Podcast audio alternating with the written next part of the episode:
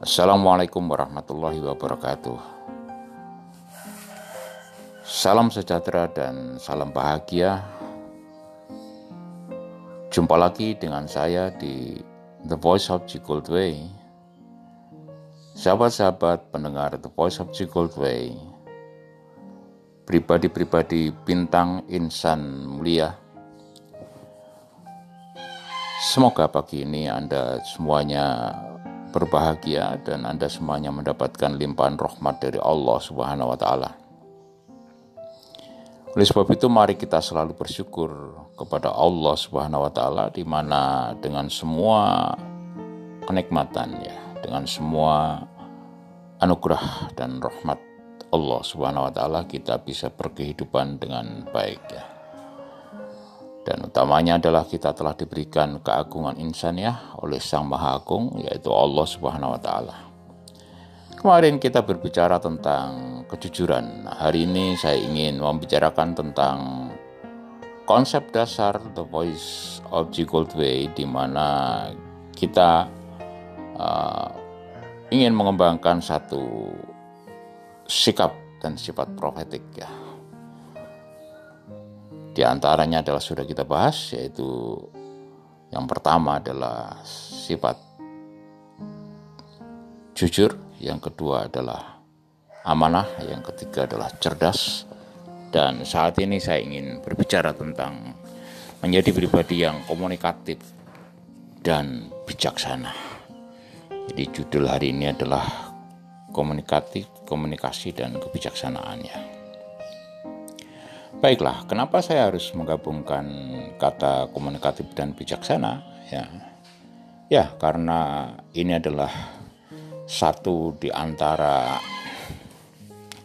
keluhuran pribadi kita, keluhuran budi kita yang telah dianugerahkan kepada kita oleh Allah Subhanahu wa taala yang merupakan juga eh, keagungan insaniah kita di mana komunikasi itu selalu berhubungan dengan uh, interaksi ya. Komunikasi selalu ada hubungannya dengan interaksi antar manusia. Nah, itu yang pertama. Dan komunikasi itu selalu ada hubungannya dengan pesan. Pesan itu ada selalu hubungannya dengan amanah gitu. Dan komunikasi juga berhubungan dengan pikiran perasaan ya. Nah itu yang menyebabkan bahwa komunikasi itu uh, selalu berhubungan erat dengan kebijaksanaan ya. Secara etimologis komunikasi itu merupakan satu proses ya, proses penyampaian pesan dari satu orang ke orang yang lainnya Nah, dalam hal ini sebenarnya yang saya maksudkan dengan sifat komunikatif itu kita teladani ya dari uh, sifat profetik Rasul yaitu tabligh ya. Di mana Rasul di sini adalah lebih banyak menyampaikan pesan wahyu dari Allah dan juga menyampaikan dakwah. Nah, dalam keseharian kita tentu namanya komunikasi ya, kita menyampaikan pesan bukan hanya uh, untuk berdakwah tetapi juga pesan dalam hal komunikasi dalam pekerjaan kita. Nah, dalam konteks ini ya tabligh secara etimologis itu bisa dikatakan uh, balagu yubaligu tablikon ya yang merupakan satu konsep penyampaian uh, pesan secara lisan ya atau juga itu melaporkan atau menyampaikan sesuatu kepada orang lain di mana pesan itu selalu ada makna dan makna itu ada hubungannya dengan uh, amanah. Nah, oleh sebab itu saya menggabungkan antara sifat komunikatif dan sifat bijaksana nah gitu. Nah, kita ini dalam satu dalam komunikasi tentu yang kita harapkan adalah uh, orang bisa memahami kita dan orang bisa respect kepada kita begitu juga kita. Nah malah maksud saya adalah oleh sebab itu adalah dalam komunikasi itu tentu kita perlu memahami ya. Tentu kita harus memahami tingkat pemahaman dari orang yang kita ajak berkomunikasi jadi uh, satu prinsip di mana dalam komunikasi kita harus bijaksana itu adalah kita memahami tingkat kemampuan dari orang yang kita ajak berkomunikasi. Apabila orang yang kita ajak komunikasi tingkat kemampuannya itu adalah uh, misalnya tidak sama dengan tingkat kemampuan yang kita harapkan ya. Atau maksudnya adalah kita terlalu tinggi menyampaikan bahasa atau terlalu susah untuk dimengerti oleh orang itu maka ya ini tidak efektif ya. Nah di situlah maka uh, ada konsep kebijaksanaan gitu. Halnya seorang guru kepada siswa tentu uh, kalau kita mengajar di sekolah dasar misalnya komunikasi kita terhadap anak-anak SD itu tentu tidak sama dengan komunikasi kita terhadap mahasiswa. Di situlah yang kita maksudkan bahwa kita harus mengasah uh, kemampuan uh, sikap dan sifat menjadi pribadi yang komunikatif dan bijaksana. Ya, karena komunikasi telah merupakan, merupakan proses penyampaian pesan dari pembicara kepada pendengar yang melalui sarana apa pun bahasa lisan, bahasa tulisan itu jadi juga pesan itu harus bisa dimengerti gitu. Dan untuk mengerti pesan itu tentu kita memahami kemampuan dari orang yang kita sampaikan. Masalahnya adalah eh, kita sering tidak memperhatikan hal seperti ini sehingga kita itu eh, melakukan kesalahan ya. Di dalam komunikasi itu adalah yang namanya uh, policy ya policy of communication. Nah, apa itu policy of communication? Itu adalah kesalahan di dalam komunikasi. Nah, di antaranya contohnya adalah uh, formal policy, kesalahan formal itu adalah kesalahan dalam konteks struktur bahasa yang mengakibatkan uh, distorsi makna atau proposisi yang kita sampaikan gitu. Jadi pesan yang kita sampaikan itu menjadi tidak jelas karena struktur bahasa yang kita gunakan itu uh, salah atau tidak tepat sehingga itu menyebabkan uh, ketidakpahaman dari orang yang kita ajak bicara. Nah, di situlah maka kita perlu pengetahuan ya. Jadi selain kebijaksanaan juga pengetahuan gitu. Dalam konteks kebijaksanaan sendiri ada hubungannya dengan kebenaran gitu. Ya, oleh sebab itu di dalam dalam teori komunikasi itu ada juga yang kita sebut dengan informal policy ya. Policy atau kesalahan informal policy ya. Informal policy ya. Seperti apakah uh, informal policy itu? Ya, seperti contohnya adanya kata-kata, kalimat atau bahasa yang ambigus ya. Bahasa yang tidak jelas ya adanya asumsi ya asumsi eh, yang tidak sesuai dengan faktanya.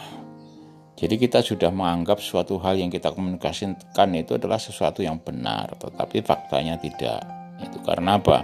Karena pemikiran kita sendiri itu sudah sudah keliru gitu ya.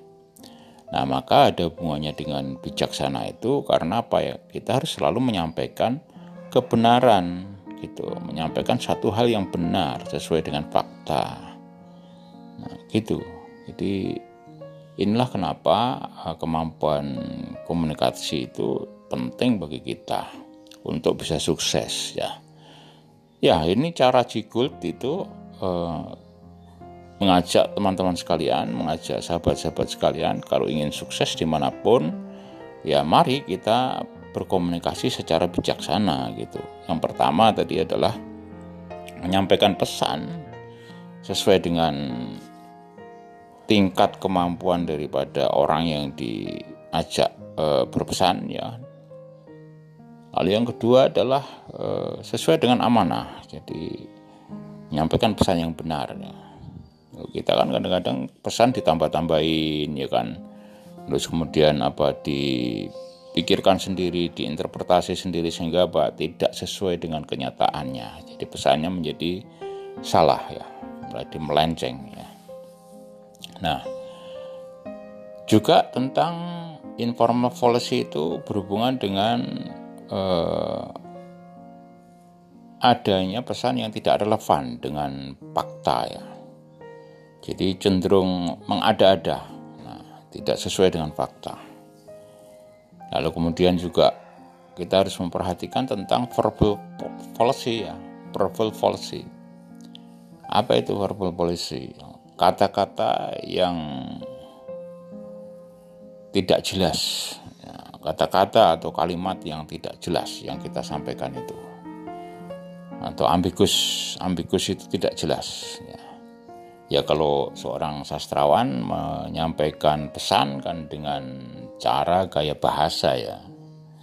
Tentu kalau gaya bahasa itu kejelasan gaya bahasa itu ada hubungannya dengan apresiasi dengan pikiran kita. Nah nah itu sehingga kita selalu berhubungan dengan kebijaksanaan yaitulah yang saya maksud dengan uh, sifat komunikatif itu selalu berhubungan dengan kebijaksanaan. Lu contohnya gini loh di komunikasi yang bersifat bukan verbal contohnya tulis. Ada seorang anak, Anda sebagai seorang guru, ada seorang anak yang mungkin e, pekerjaannya tidak sesuai harapan Anda. Lalu kemudian Anda langsung tuliskan nilai nol besar-besar pakai pulpen merah itu kan komunikasi gitu. Lu Anda mengatakan itu kan tentu Anda tidak memikirkan tentang perasaan dan tingkat pemahaman dari anak itu. Padahal mungkin kalau Anda komunikasikan secara verbal, anak itu punya maksud lain gitu, sehingga nilainya tidak nol gitu. Nah itu penting ya. Jadi eh, konteks kita memahami orang lain dengan baik dan juga kita di dalam berkomunikasi mendengarkan dengan baik itu sangat penting ya. Oke tadi kita sampai pada verbal policy ya. Nah, dalam konteks komunikasi tentu kita harus eh, merespon kan gitu kita mendengarkan, kita memahami, dan kita merespon. Nah, saat ini komunikasi kita itu tidak hanya berupa komunikasi verbal, komunikasi surat, tetapi juga komunikasi melalui eh, teknologi, contohnya cellphone. Nah, ini ada ada fenomena yang unik juga ya. Seperti sekarang ini kita dalam masa pandemi COVID-19 tentu bekerja dan komunikasi dengan teman itu lebih banyak kita memakai komunikasi teknologi seperti cellphone karena apa? Karena kita sedang menjaga jarak ya, physical distancing dan kita tidak ketemu secara fisik. Nah, oleh sebab itu ya kita mestinya mestinya itu merespon gitu tapi fenomena yang ada orang selalu men-share ya. Dari dari satu orang ke orang lain di-share, diteruskan tanpa kita berkomunikasi merespon. Jadi kita itu mau-maunya kita sendiri gitu. Jadi itulah satu komunikasi yang tidak komunikatif gitu. Nah, kalau ada orang berkomunikasi dengan kita dalam konteks eh, komunikasi melalui virtual ya, yang kita sebut dengan virtual, tentu ya kita harus merespon. Tapi rata-rata orang kan tidak. Rata-rata hanya membaca. Rata-rata membaca aja tidak, tapi dipandang saja. Nah sebaliknya ketika kita itu bekerja, kita ber, harusnya berkomunikasi, ya kan? E, ketika kita sama-sama tidak ada pandemi COVID misalnya, kita sudah berjumpa nih. Misalnya lima orang berjumpa, justru masing-masing pada pakai HP-nya dewe-dewe itu. Komunikasi dengan orang lain lagi. Lah inilah yang kita sebut dengan sifat yang tidak bijaksana. Dan itu penyakit. Itu, penyakit kita itu. Nah oleh sebab itu dan itu adalah cobaan dari Allah ya. Nah tentu kita eh, telah diberikan kecerdasan dan kita me, apa, bisa menciptakan teknologi Nah, harusnya kita gunakan secara efektif. Nah, G Gold mengajak teman-teman, mengajak sahabat-sahabat semuanya untuk selalu bisa menjadi pribadi yang komunikatif bijaksana. Kalau Anda berkomunikasi melalui cellphone ya silahkan di, di apa itu dibalas real time ya. Namanya aja komunikasi ya. Kan gitu. Nah, kalau Anda berbicara sama teman eh, langsung berhadapan ya sudah cellphone-nya ditutup aja nggak usah HP-HPan dengan orang lain. Lah itulah yang namanya bijaksana respektif ya. Nah di sini adalah uh, satu konsep ya satu konsep uh, pengembangan pribadi bintang. Insan mulia itu di situ nah oke okay. jadi sahabat-sahabat semuanya itulah eh, cita-cita uh, daripada The G Gold Way ya untuk uh, mengajakkan mengajak ya mengajakkan mengajak teman-teman untuk bisa menjadi pribadi-pribadi bintang ya menjadi insan mulia bahwa di dalam konteks komunikasi itu ada selalu ada hubungannya dengan amanah selalu ada hubungannya dengan maksud dan makna dan selalu ada hubungannya uh, pesan yang memiliki uh, apa memiliki harapan dan tujuan. Nah, harapan dan tujuan itulah maka kita sampaikan dan secara baik ya, secara baik uh, sesuai dengan tingkat kemampuan pemahaman seseorang dan juga uh, tidak mengandung policy ya. Nah, yang di antaranya tadi adalah saya sebutkan sebagai formal policy, informal policy dan verbal policy ya. Itu. Uh, jadi harapan kita adalah uh, kita semuanya akan menjadi pribadi-pribadi yang bisa eh, apa bisa menciptakan ya. Bisa menciptakan apa? Bisa menciptakan peradaban yang baik ya. Ya bisa menciptakan peradaban yang baik dan menghindari komunikasi yang tidak relevan dan cenderung menyakitkan eh, pendengarnya. Nah, ini kebiasaan ada di apa di situasi politik ya. Nah itu contohnya muncul kata-kata ya kampret apalagi gitu. Nah ini semuanya sebenarnya ya oke okay lah itulah fenomena tapi itu tidak bijaksana ya. Jadi kita mari mengembangkan peradaban komunikasi yang baik.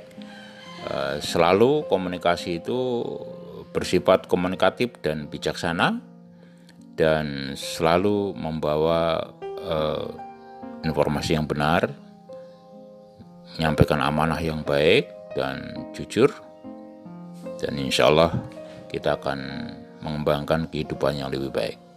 Baiklah, sahabat-sahabatku sekalian, itulah tadi um, konsep komunikatif bijaksana dalam the Gold way ya. Nah, oleh sebab itu semoga sahabat-sahabatku sekalian mau selalu mendengarkan saya di, di uh, The Voice of Gold Way dan semoga Anda semuanya menjadi pemimpin yang jujur, amanah, cerdas, komunikatif, bijaksana dan membawa kebaikan dalam masyarakat kita, keluarga Anda, dan bangsa kita. Semoga kita semuanya tetap sehat dan kita semuanya jaya. Baiklah, mohon maaf apabila ada kata-kata yang menyinggung perasaan dan hati Anda semuanya. Uh, tetap sehat dan sukses selalu. Wassalamualaikum warahmatullahi wabarakatuh.